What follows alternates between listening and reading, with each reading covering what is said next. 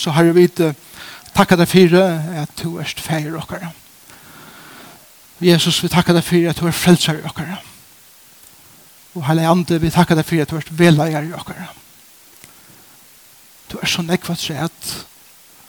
og jeg ber om at som vi fylltjast vidt her at du åpnar okkara eio, okkara andalig eio, okkara innra loiv at suttja heimen Vi ber her om du omskifter brillene som vi hittar er at vi akkurat naturlige egen.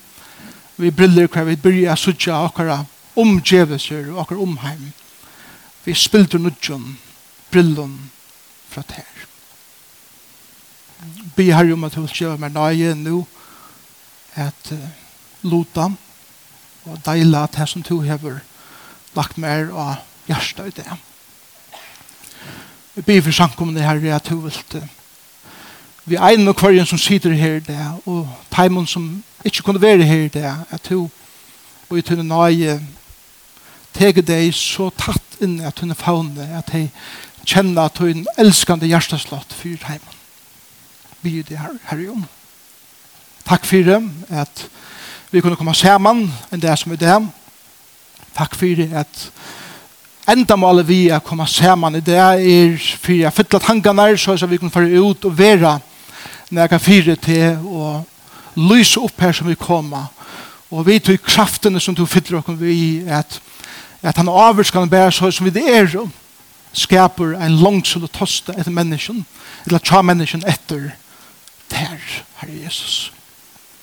Og vi ber her, må vi må flytta okna venen til vi standa oss ofta fire, at mennesker sutja at det vil jeg for hvor du erst, og gjør okon tan visdommen til å liva tunne navnet til ære, og tøk og heir. Prysa for ditt navn. Amen.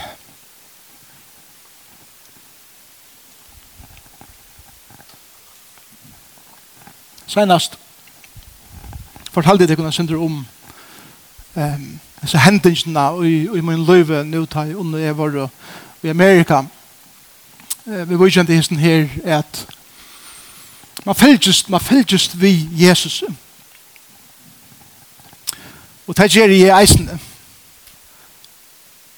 Jeg husker jo veldig ofte om det at ta, ta i i hitja min arbeid, så, så er det øyelig ofte at jeg sitter her som en bor og lustig et menneske som har nekka strøyast vi i livet noen. Det er fantastisk det hinne med båret. Og være at han som lotar er at man strøyest ved nekve løyvnen.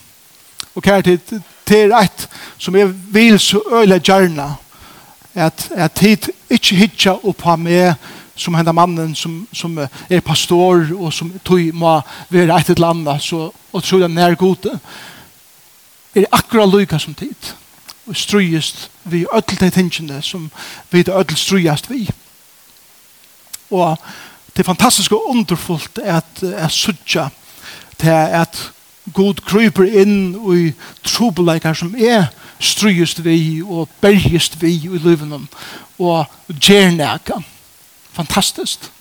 Og jeg fortalte dere senast at et av de som er stryst vi og i nekv år i min liv det er hans tanken om at jeg tror vi er god er god men er han bæra til er det ikke eisne et element av ønskapet? som god hever. Og til en, til er en øylig tanke, hvis du husker om den tanken. Jeg husker til om god. Men det gjør det. Og jeg lot i den tanken vi en av som rådgjøvene som vi er av disse her disse seminarene som underlever av, som hever vi rådgjøvene gjøre og at det var en kvinna mitt i alt russen som heier disse her profetiske egene som hukte inn i mitt liv og konfrontera i det. Og jeg fortalte henne, eller fortalte ikke nesten senest, om hvordan jeg sa det som, som henne myrska vien som la og forra deg fyr som fantastiska landskapen som god hei løft med suttja. Og hon sier med at vi er til å lage alt der og brenne. Og uttøy hon sier til så var det som at viren ble aska og han brendes opp og jeg jeg har kjent søgjene jeg kom hjemme etter. Eh, Spekeligene. En fri inni mitt liv som jeg ikke har kjent over. Og det er fantastisk. Um, at, at, at føle at god prøver vi at arbeide vidt der. Han har gått livet arbeid. Og, og brøyde oss innanfra. Og det, det er jo givet mer... Um, Begge en utrolig fri, men eisende en utrolig brand til at vi er vi til at tala fri og liv inn i livet kjøren. Det er fantastisk. Så sier vi til kun senast at det var hendig at træt som hendte i eisene. Og henne får jeg fortelle for dere i det. Og grunnen til for jeg det er bare for å vise dere at Ja, det som er som stender oppe, han, han er som du tapeler, og han er, eh, han har alt mulig strøyest vi i, i, i løyven. Men god er til verska eisen i løyven til hånden. Løyga som han er til verska i løyven til tikkun. Og da jeg har fortalt tikkun søvnene, så innskjer jeg at jeg har noen holengar om det som jeg har gjørs meg siden jeg kom atter. Men i halde det som jeg aldri få i egen meg og meir opp fire i livet som sammen Jesus er til at jeg halte at andalige livet er og jeg kallar det underfotla paradoxalt. Altså en paradox er at du faktisk ikke tingen i at henga saman og det, det ser ut til å strujas mot hver nøyren men samtidig tar du hikker at du verlig så må du si at det er underfullt og det er fantastisk det er ofte tar jeg prater med folk så så får jeg ofte og i imenskene orden, og jeg bare valgte å si det så leis, at jeg har jo øyne ofte folk sier ved meg, andre er løyve jeg kan gjøre unga mening. Og det er stedfesting. Andre løyve gjør unga mening ordentlig. Og så, alt den stedfestingen, så kommer spurningen, kan du røyne forklare meg hvordan alt nøkken vil hange sammen? Som om jeg skal være sånn her som, wow, det er å snakke ved Ekvann, så får alt det være så fantastisk. Sverige som er generelt er nøglunda såleis. At eit av tøy som vi som mennesker mest strøyast vi i løyvnen, til å finne et hev kvarje vi det er om. Og det gjør vi ved å spørre hva vi kommer fra. Vi gjør det ved å spørre hva gjør vi her, hva, er meningen i løyvnen av er her, og eisende spørningen hva er ferie. Jeg har tid til spørningen vi først. Hva som særlig nå med å livet hva gjør jeg her, hva er meningen ikke vi, vi løven som er her. Og jeg sverre noen av sånne, så sånn er det øyelig i meg skulle sverre, men, men for jeg viser paradoksen ut i andre løven, så, så sverre noen av sånne, jeg skal lese det for dere. Vi, vi tror at vi har finnet noen selv. Men jeg finner ikke meg selv for en først, hitje inn i løvene til øren menneskene Og det er ikke utan vi karlægge at jeg hittir inn i løyve til øren, at jeg begynner å finne meg selv. Men for jeg lever fire ånder, må jeg først dødja for meg selv. Og jeg må jeg nok til meg selv om, for jeg godtaker for det virkelig er.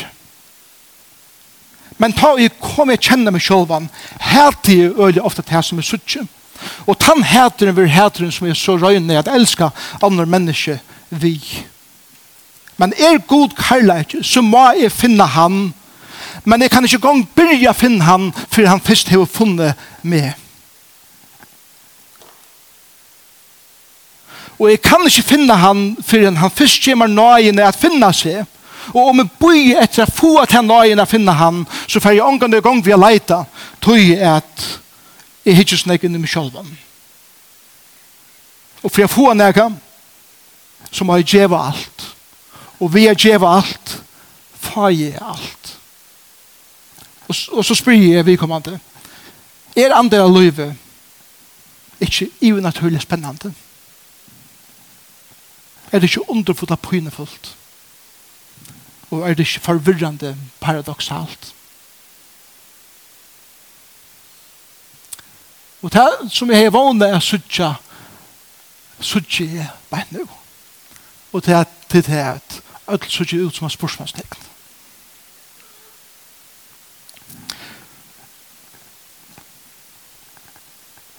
Det tog at om vi skulle røyne at skilja Guds versk ui okkom. Vi naturlige eion hva vi kunne råkne ut det som god atter i akkurat livet, så får vi da leva resten av livet forvirra om det som god gjør. Og settingren andre av livet gjør ikke mening. Hvis du ikke begynner at lære er hitje at løyven vi even at høljen egen.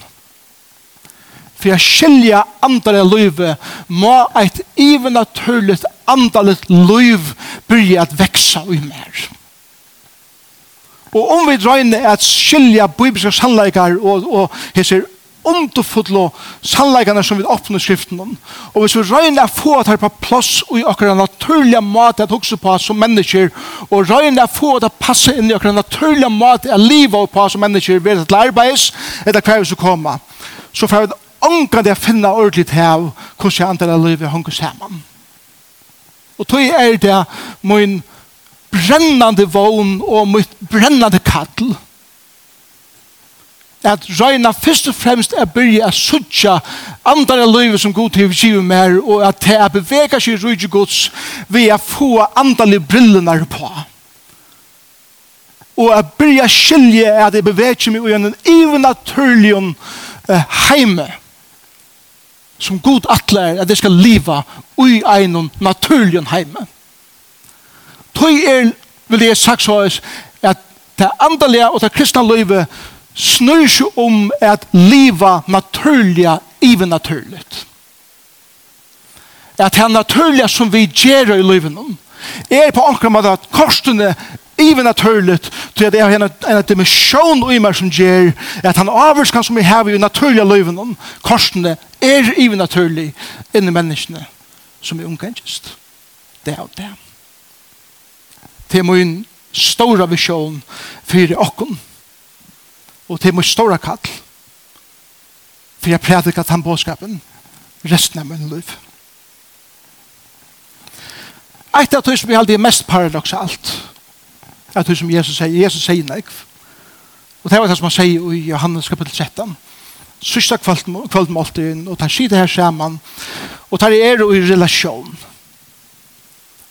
Og, og som, som uh, uh, vi vet, alla tøyna sier, andra livet snur som relasjoner. Vi har det av fyrre møten om tøytningen av husbølgen, Jeg kommer ut av små relasjoner. Tøtningen er tøy som Ninna og Paula gjør vi er bjøa kvinner heim til hus og sida vi en måltid og prata sammen er essensen av andre løyven. Møte er ikke. Det som vi gjør det er ikke essensen av andre løyven. Det er bare for å hjelpe oss å komme inn i djupere relasjoner vi kan annan utenfor møtetøyer til så meddel tøtten meg ikke. Til det som lærersvannene gjør det sammen med Jesus til kvalitet. Og så sier Jesus vitt der, og i Johannes 13, 4, Nytt båd gjev i tikkun, at de skulle elska hver annan. Hei, Jesus endte her, så er, så er det ikke vært så Nei, så hadde kunne sagt, ja, vi skulle elske hverandre. Men det som Jesus sier at han er til, er det som gjør til så utrolig eh, paradoxalt og trupult. Og det, han sier så leis, som jeg har vi elsket tikkun, skulle tid elska kvann annan. Nu ble det helt nek annan. Jesus, hva sier du det her? Til at trobleisen tja okken ötlum og tja mer vi vært han og er han elskar Jesus med virkelig. Jeg leser i Bibelen om at han elskar og er hitja krossen og det er fantastisk, men følelig er virkelig. Og kanst du ha sann vi ærlig om åren sier jeg veit og jeg føler og jeg kjenner at Jesus elskar meg. Og hvis vi er ærlig, så har vi ofte kanskje ringt vi og sier akkurat når det er og hvordan det er føltes. Og det er et av mine store strøyen og kjøkken livet. Det er hvis jeg skal elske andre som Jesus elsker meg, så er det omøvelig. Utan det er vi en andalig dimensjon, en even naturlig dimensjon, som han kommer først vi inn i mitt liv, så at jeg kan elske tikkun som Jesus vil elske meg. Wow. Så. Hvordan ser det her? Og hvordan elsker Gud? Jeg vil sagt det så løs en setning. Og jeg sier en setning som sier senast til hele æsne. Kallage Guds er en gledelig halgan til velferna tja en øren tja tær. Lyga mykje hva det kostar sær. Til Guds kallage til tøyen. At han seder onga grenser kvann prus han skal betala fyrir at du skal kjenne hans kallage. Seitarest. Seitarest Men da jeg ikke at meg selv, og ikke at min naturlige måte elsker på, så elsker vi såleis. At en halgan til mine velferd på bekostning av ene kvarnøren. At det snur seg om at jeg skal være elsket vår, og til, til, til relasjoner som har vi andre folk, skulle på ankra måte være vi til at jeg og meg til som jeg vil heve. Sjåten det kostet henne. Og til ikke gods karlæg. Og Jesus sier vi okkur i disse versen at det som er ikke at de kommer til er det at tid og i tikkere livet byrja at elska ånder og i relasjonen så mykje negv at det er en gledelig halgan tja tikkun inni tæra liv kosta mer hva det kosta vil Amen. Han setter skjermen her til at termene kan være nok så avbjørende. Så. Når vi kommer til søvnene, som er opplevd,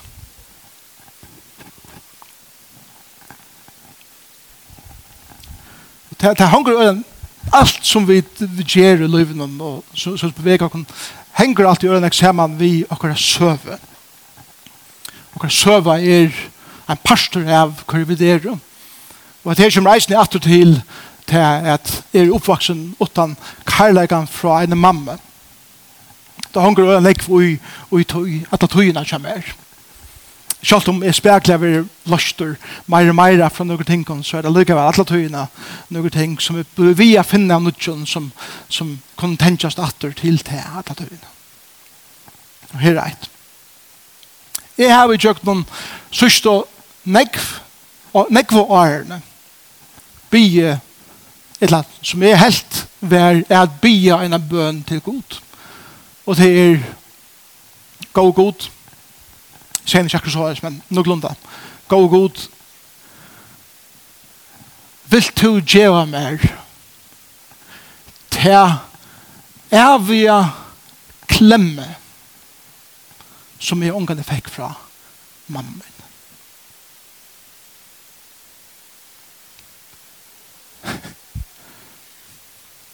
gå god, vil du teka meg inn ut i faun.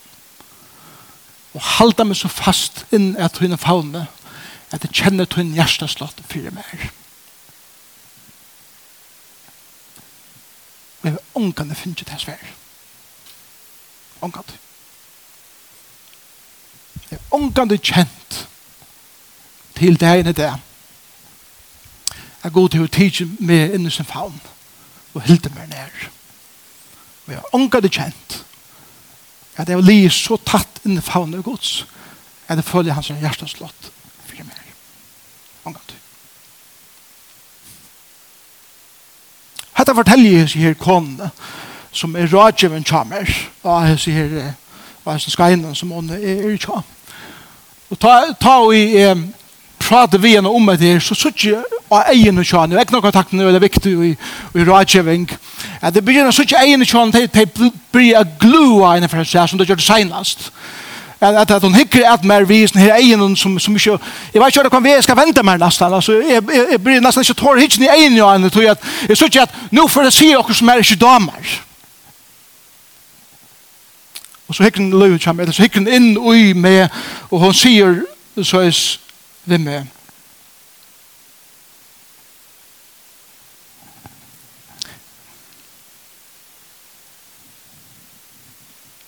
Han bønner som tog over byen, god, jeg er slett ikke en bøn. Jeg er ikke en bøn. Jeg sier, nei, det er ikke en bøn som tog over byen. Tog over steget som et lyte, grenjande baden, og kraft god om nek. Og til måneder av at bya og at krevja. Og så sier vi med nøglene sa eis til lykkelig smadronker som du erst. Rest jo opp. Fær ur her som fastor stillningen som du ligger i.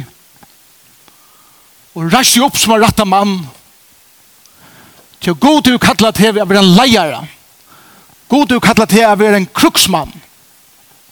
Takk blævene av og takk krukskleine av. Vi vet ikke amen halleluja, men det sier jeg slett ikke. Jeg falt som om jeg var en flongt og smadrang. Og jeg sier, hva mener du vi? Og han sier til at det som du ikke vil se, er god gjer, det er til at God hever i jøkken ødelige årene som du hever bygge seg bønnen om at du skal kjenne hans herre evige klem og hans herre hjerteslott. Det hever God i jøkken ødelige, jeg snakker jeg vi henne om henne første alt det årene. Det hever God i jøkken ødelige årene givet der og i jøkken andre mennesker.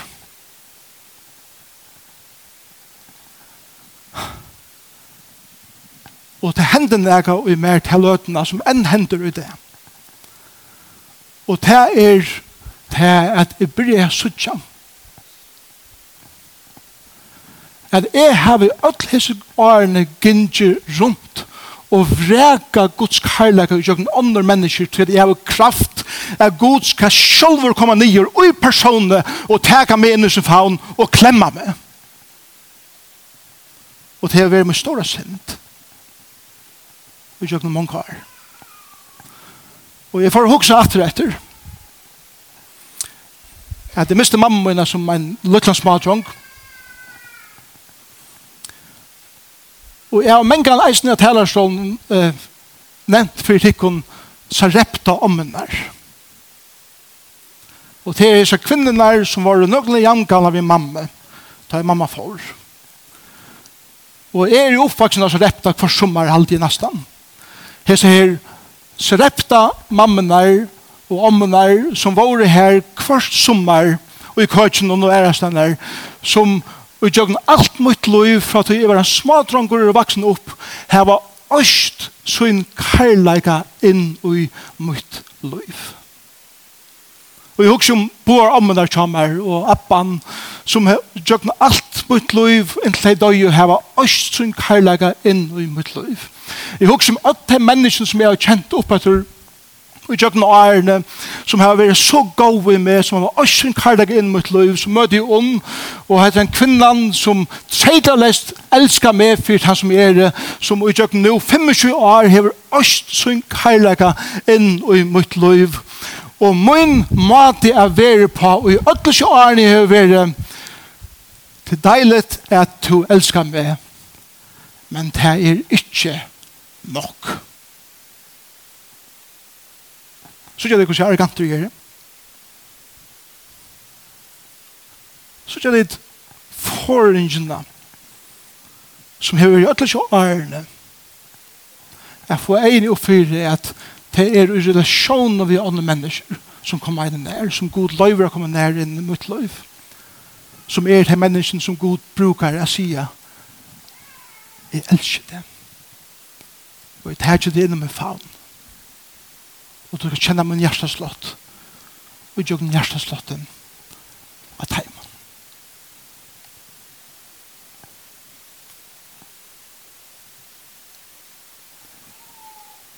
byrja spekla sånn at det er tid. At det er nægge hent og i mer sørste vikener som jeg kan ikke rønne ikke hukse om og spekulere på, men som eisen begynner at bli mer livande og til, til at hver jeg for jeg sitter vi omkring og prate eller sammen med kona min eller mine bøtten eller vi tikkun og i relasjon at det blir jeg suttja til relasjoner som vi har som er even naturlig, goddommeligt, fantastisk. Og til størst for meg. Og det, det husker ganske om meg, jeg kan ikke virkelig så lengt ute. Ja, så lengt ute. Men omfemter av kærlighet gods. Og Jeg at man å teka krukskleine på en nødja mat. Og jeg at man leder meg i herkleie gods på en spilt og nødja mat i løgn. Og til ikke affæra i krudj og i måter öll møvel i samfunnet og sånn, ikke? Men jeg ætler meg å affæra i krudj. Jeg bruker resten av min liv på. at vi får en og fyr. at god elsker til og nøygt og det er i jøkken relasjonen vi andre mennesker. At du kommer å kjenne Guds kærleik. La meg observere noen ting at jeg som, som jeg har hukket om vi var ikke det her som, som hendte mer. Først er det her at vi, vi har oss latt vi har oss naturlige brillene på. Og ikke at livet noen, og røyna livet antallia, men vi naturlige brillen, og vi sørger unga kraft og i tøy. Og det som, for å relatera det til søvnene, så vil jeg først si etter, er at jeg tykker vi at vi alle inni her heva innast inni okra løyve ein tjupan brennande langsul at kjenna karlaga gods. Det tykker vi. Jeg vil at leva. Skuffelse vi ikke føler at han karlægan, skaper først og fremst en hæter mot det sjølven. Det er tanken som fyrir gongt, og hvis det minna screwtape letters, det er et eller annet som sujast, vi, vi, vi at halda okken fra gode. Enda mål så taimen er nemlig at få okken a halda at vi ikke verd gods karlæga, og tog blir vi det hæter okken sjølv. Det hender okken ötlan. Det tredje er hettar, at hæteren en firma sjálfun, eller vannviringen fyrir meg sjálfun, som kunne være potensielle karlægje, blod til hæt mot god, til jeg fyrir iva så om god er gover, ta ikke følge hans her karlægge, og jeg måtte mer. Og hæteren måtte meg sjølven, forar mer eisen jeg suttja, kærlagsfotlar gjerer fra øren, som Guds karlæga til min. Er det vi?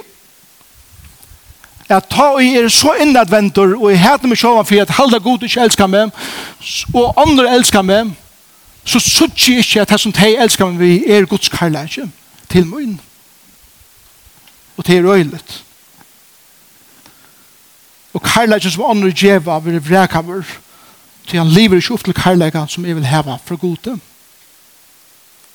og tog verur karlagen inn i mitt liv blokkere over jeg må innom mata jeg krever jo på og jeg verur på tog er det er god må atter og atter og jeg vet at god er verre så livet vi nekran av okken enn men han for atter og atter jeg byrja spekla at åpna disse andalige egene som vi har for jeg vil få egene og fyre hva det er som han vil i okker livet og la meg låta noen ting vi tykker her beint At Gud må komme inn og åpne hese andalige dimensjoner for vi skulle byrja å suttje om heimen andalige.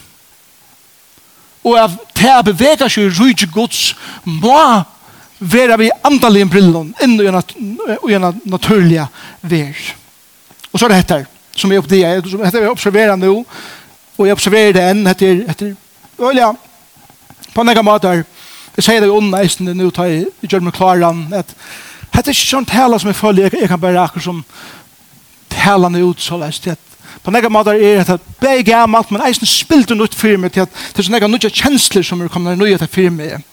Og nummer ett er det heter at ta og vid oppdea, eller oppdea er Guds karlægje, verur vuster mer og jøknotikken og er kærlig til Guds for i vurser okken og tjøkken hver annan. Ta hendene jeg. Ja, det første som er hendt i meg er til at for det første er det utrolig glæver at det er hendt. Men den gleden har jo lett meg til en djupa sorg. Og faktisk er jeg bare nå og jeg har nok så djupere sorg om noen ting og i min liv. Og, og, og sorgen er etter at jeg ikke for nå har vært begynte at, eller er vera begynte at suttja at alt den karlæsje som jeg finner til disse årene, vær Guds karlæsje, jeg syrker virkelig at jeg. At jeg vil leve sånn jeg var, og ikke være mot ikke den store karlæsjen. Og jeg syrker at ikke at jeg opplever at jeg som Guds karlæsje, og jeg gjør til disse årene. Hennes sorgen, som jeg har, og som er vanlig at tid eisen har, at jeg hoksa at vi mer hon leier til jottan er synd. Sorg, sunn sorg, leier alltid til jottan er synd. Hvis, hvis du er en sorg i løyven for et eller annet som du ikke vil se, et eller annet som du gjør skreift, og ta leier det langer bors fra gode, så er det en fordøming som kommer fra deg selv, som stikker til langer borster, og ta sorgen er ikke god sorg. Men Guds sorg i okkar liv leier okkar alltid til at komme til han og jotta okkar synd. Og min jotting er synd som fyrir fram nu og i min liv er etter synden er av at krevja av gode. Synden er at ivast i gode. Synden er at nyer gjerra karlagan fra øren tikkum.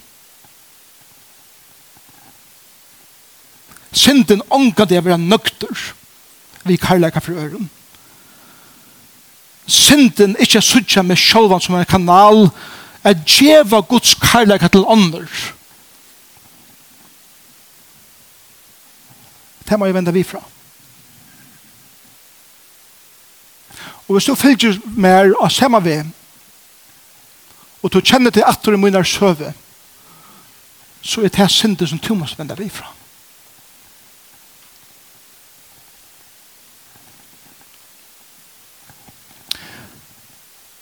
Jesus sier, ta vi gjort okra synd, hva sier han? Han tror fast og rett for seg at han fyrirgiver okra synder okra. Og han tann fyrirgivingen som hender i løyven, leier inn i et fralses land som ser dere enn mer fri. Husk jo ofte om at de burde skrive false setten i løyven. Kanskje være false tvei om noen år til at det føler jeg som at wow, at landet er så størst.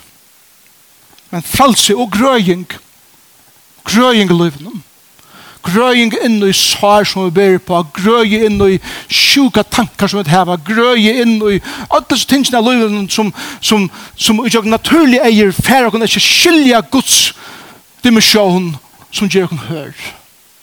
Men grøying fra tøy. Og anden åpner egene. Hva så god har vi gjort for meg? skriver det nye som en observasjon at anden åpner egnet suttje at troanen og langslen etter å kjenne Guds karlæka vær faktisk ikke øyende heter til at langslen i meg selv er ein brennande langsel etter jeg kommer å kjenne god bedre. Ta jeg sier, god, vis meg til en karlæka og jeg gjør det krevjande, så er god allukka til verska av vise meg at min kærleik til tøyen, eller, eller at hun troen etter min kærleik til tøyen, er fra mer. Det innerste er fra god. Og jeg har skilt det hædren for meg selv om, og for ikke kjenne Guds kærleik så nær som jeg har kraften skal være. Jeg vil forhånden at ikke jeg teker imot Guds kærleik til funner. Jeg leter renne inn. Og ta jo det jeg er god til å elske meg tjøkken ånder, og tjøkken tikkon, og tjøkken kone mine, bøtten mine, og så repte om henne, og alle menneskene som er så nær i mine liv, er en glede sprotten opp, som er så fantastisk. Og jeg, kanalen kommer, og det er vi åpner en måte, Det er her utrolig karlægan, som jeg vet god djever mer i tjøkken tikkon. Og bøn mine er, at så, så mye bygger blir fullt så skal det her byggere bli flåde iver av kærleika til ånder. Flåde ut til andre mennesker, til fullner. Kærleiken, eller Guds kærleike i, i Johannes 13 er ein kærleike som bare hever eit mål.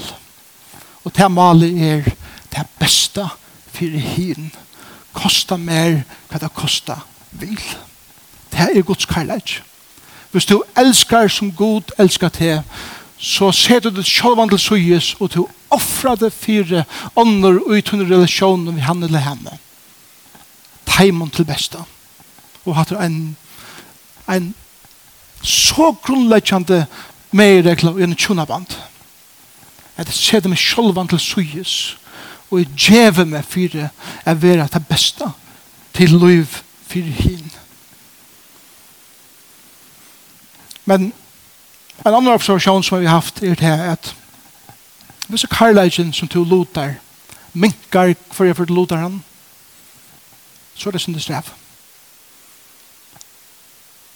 Det er av å komme her til hva vi sier, jeg røyner, og jeg røyner, og jeg røyner, og jeg røyner at elsker, jeg røyner offra meg, men jeg får jo ikke til fire, og jeg føler bare at, at jeg dodger meg eller mer. Sværet til hans spørringen er ikke at så sier vi merkan eller vi vin eller hva det sier nå må sura øyne sin der atter så det er noen jaun var og i sjåan det er godt men hvis du ikke leiter til Guds kjeldig og kærleik jeg fytla det opp som andre mennesker ikke klarer at fytla så blir det alltid holdt tømt. Kjem er ut her. Og måtte du god hjelp dere. At at vi er mennesker som gjør en karlaga som ikke minkar hver for lutar av hon. Og så til senast så vil jeg si etter. Karlagen vil alltid røyndur i sannlegan. Så, så karlagen er ikke bare til å, jeg er ikke det lukka meg ikke hva og alt det der. Sannlegan og karlagen er tvillingar. Det er genga alltid hånd i hånd tar dansa alt og sama dans. Karlægen vil alltid røndur i sannleikan. Toi så oft, som oftast er han karlægen som er djeve, ikkje Guds karlægen, men mun ekne. Men karlægen som, som ikkje tårer å sija sannleikan, vi er en passion for livet og hinnom, er ikkje karlægen. Guds, eller god er karlægen, men ønsken sannleikin, men eisen sannleikan, Og om kærleik skal være fullkommen, fullkommen så må jeg få av Guds kærleik og Guds sannleik ui med. Vi gjør det Det som mener vi her er det at ta og i elsker en person. Og det var det som hadde konan gjør det med i Amerika. Hun heier Guds kærleik til min. Og hon kunde ha gjort det, hvis hun bare var en vanlig rådgiver, så hun kunne sagt, å, jeg føler ordentlig vittar, å, det var virkelig, man var virkelig tungt så der, og jeg håper vi kunne finne noen mer regler å hjelpe der, at jeg finner det her, og hvordan du, hvordan jeg kan byrja at jeg i måte oss, jeg karlager for øren, og så var jeg her. Ännu mer strøy, enda mer mer regler jeg skulle fylltja. Men hun hukte vi i sånn her profetisk og brennande egnom mitt liv, og hun sier, «Tøyn lykkelig smadranker som du verst, reis jo opp og bli av mævor.» Og jeg, hun sier, elsker du meg? Og hun sier, det tog jeg elsker det. Det tar jeg ikke inn i ditt liv. Og jeg hittir vi sannleikene som god hever givet mer fire tær og tunn liv. Så er det beste som jeg kan si over til er at den posisjonen som du er uibant nå er en tablig banslig situasjon. Reis opp og færre ordene og liv til som god hever kattlet det til i sin livet at du skal være. Så ta i vid elsker hver annan, og vi ångar det tåre at tala sannleggan, og til å si sannleggan så er det, mener vi, Guds visjon for et her, som han åpenberer for mer inn i ditt liv. Så elsker det ikke rett. Og tog eier vid vi først, er være oppe heilig vi på en annan. Og her mener ikke holdslig, det er store måneder å være oppeheilig holdslig og å være oppeheilig antallet. Og det må opplevast. Holdslig, det er bare at du vil ha en eller annen brøytast, til er til det beste. Men sannleisen, og, og, og sannleisen som gjør relasjoner oppeheilig er, er ta ut og veist at grunnen for hans personer sier etter med er at han spekler av nega som god vil ha med å gjøre eller være, men er livet ikke ute i. Og årene til hånden til henne, være år som får meg å reise meg opp. Det er for at det kan leise, og jeg trekker inn i sannleikken av livet som god til her med livet. Det er det som jeg opplevde denne dagen. At en kvinne som sett ikke kjenner meg, men hun elsker meg så mye enn deg, at hun løvde meg ikke være her som jeg er. Og gav meg mått i Guds navn er reise meg opp. Og genga på gjerne. Jeg er tror å være en sånn kruksmøver er at man er sånn leier. At man er leier som ikke tåser mennesker etter munnen. Det vil si tåser tikkene etter munnen, så elsker tikkene ikke sannelig. Men at man er leier som de skulle føle at en kærlighet er her fire hessene relasjoner som vi er i som taler Guds visjon fyrir akkurat løyve, kjøkker nøren, og en slik han hatt, at jeg må reise meg opp ur hur som heldur med rattor. At liva. Det er andaliga liv. Så la meg enda.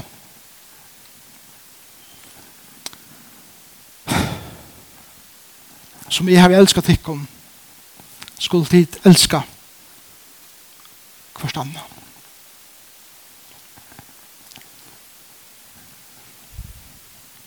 God færen elskar til. God soneren hever en djupan karlæg til tøy. Og god heilig anden hever en brennande langsul. At arbeid så ut her og mer at han gjør okkur mer luk Jesus. Og la meg til enda vi har lesa det kunne brev fra trojentene. Det er ikke noen ombering som jeg finner finnet sendt fra hemmelig, men det er bare som hukse, som, som, som god taler, og tru enten taler inn i livet tjokken som menneske. Fra ferien. Kære viner som, som er her det, måtte god give deg antallig brillene på å skilje er god til å store atlan vi tunne livet. Og kære viner som er i det, som kanskje ikke hever, finnes jeg ene for Jesus støyer for til krossen om, og tar en enda ikke baden gods. Måtte han hjelpe her i det, han sier at du er en høyt elskede personer. Det er helst han fra ferien til tøyden.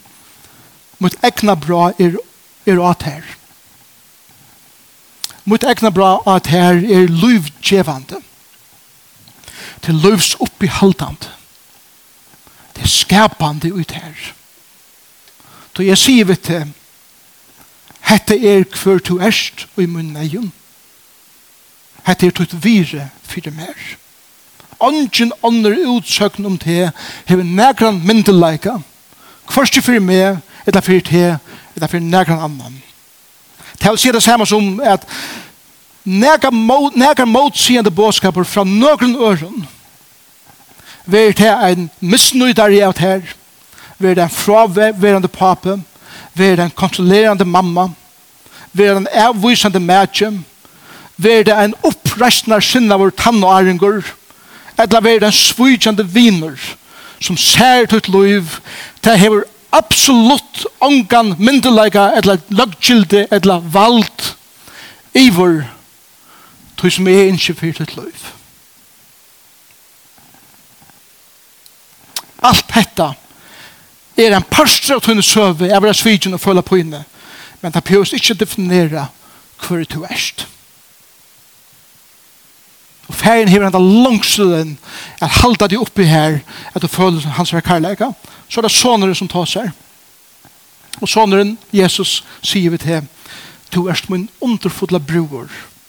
Jeg skal føre deg heim, atla veien heim. Du erst langer rein. og du kanst presentera det i huset færesmøns som du erst. Og en regnan og livande hatt kunne mennesker som over vår vannheile nu komme fram for en absoluttan heilajan god öttaleis. Og du kan komme mer nær og høre med synsja min sang til tøyne. Det vil si at hver det vil si at hver akherra som du høyrer sia i måte her er ikke min akherra du kan skvila du prøver ikke strøyast til det er vi gjørst i verden du prøver ikke forbedra det til det evig gjørst i regnan du prøver ikke følge å yngsta til at jeg ikke det. Og du prøver ikke å høre liknende at du ikke er verdt. Til jeg har gjort det verdt. da. Jeg vil ha mine bror. Og så taler Heilig Anden til senest. Og Heilig Anden som kommer fra ferien og sånn. og Det er jo ikke bostad og i tær og mer. Synker henda sannsyn for det her. Jeg tror at jeg noe liv ut her. Og i dypen av den enfolde sal. Så hever du nå alt og du bruk for det. Lyga mye skal hente til en løyve at gjøre det som du innast inne lunges at gjøre. Og det er at njóta samfunnet vi god. Og vi er blod meira lyker Jesus kjem til å avspekla vekker av affærsens beter og beter til en løyve. Du er fyrigiven. Du er adopteraver. Jeg har sett eld at det. Og jeg har skrivet her fotla styrk. Det er å si det samme som at, jeg hver sikning og hver rønt i livet er en møveleitje at utløse nødja liv i ut her til å være at han som to mest lungest etter å være. Og hver frasting er søkja til jøriska og til holdslige. Sørst to nu som en vittlæging, en liggen, en dåragjer, er bedrea til en sanna te. Og måtte Herren til hjelp her og mer. Jeg trakke inn i søvna som er tøyne møyne. Og byrja søtja han vi nutjen brillum som bare god kan gjøre det her så lest at vi ikke prøver å spia sporene som, som en kan få i. Andal liv ikke unga mening. Andal livet ikke unga mening vi gjør oss nøyen. Unga. Og jeg skiljer vel ung og mennesker som venter trunne og øtlom bætje og færre ut i heimen og alt mulig til det unga mening gjever. Til det gjever unga mening. Vi er naturlig nøyen. Om at Herren giver oss en nødja sjån. Om ivernaturliga naturligt. Naturliga ivernaturligt.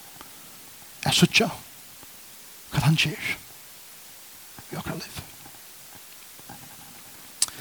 Herre, takk for at opplevingar som det her vil livet noen ta to talar nega vi åkken. Herre, takk for at du blei vi arbeid mer, det takk det fyr. Og jeg, jeg, jeg faktisk er spent på at du får oppenbære meg ene for å si at hvordan stod du kommet for jeg får meg løsene langere leiene som du atler mer genka. Takk for at sannleikken tar jeg nøyla den karleika og tar jeg karleikin nøyla den sannleika så hender jeg even at hørlet vi okkur. Og vi ber her om at du vil sikna en av kvann som sitter her i dag og familier terra. Og de som ikke kunne være her i dag og familier terra. Bare ikke ferdig til arbeids, herre. Hjelp bakom at trakke inn i det arbeid som vi gjør, til at her sosiale relasjoner som vi har. Vi vilja noen at vilja så ikke annerledes og være annerledes. Måtte være så leis jeg vet i relasjon vi kan annan. Tåre å komme kvar øren så mye nær. At vi kunne tale inn i livet kvar øren tøyt liv. Tøyna vågen Bjarg okken fra sin en tankan om at vi bare røyna få et godt liv. Men hjelp oss så ikke at gå og løyve er at her var en sæla vogn. Vi pryser deg for at hun har givet oss alt som oss For jeg er tar jeg til å si jeg elsker det til at det er så grunt. Men jeg vil elske det. Jesus, jeg vil si av det at jeg vil elske det for det Verset som du gjør det av krossen, men jeg synes lydig av det enn til at det er så størst. Og heilig Ande, jeg vil si av til eisne, at jeg fein vil elska til. Men jeg vet at jeg blir eldre, så kan jeg si at jeg elsker det mer. Til det får jeg enig og fyrir at du gjørst mer og mer og i mer.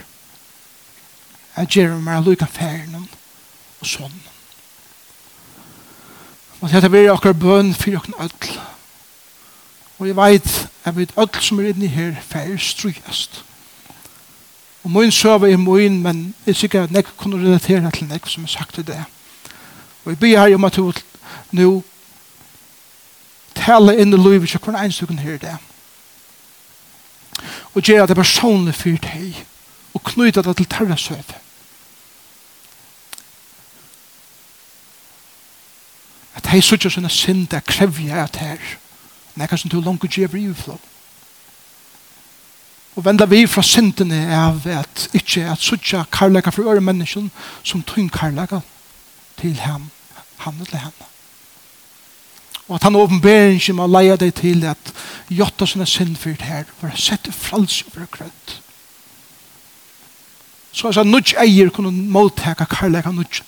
Så at steip over fullt og iverflyter vi karlaga som skal flåte iver og andre og i sannleika,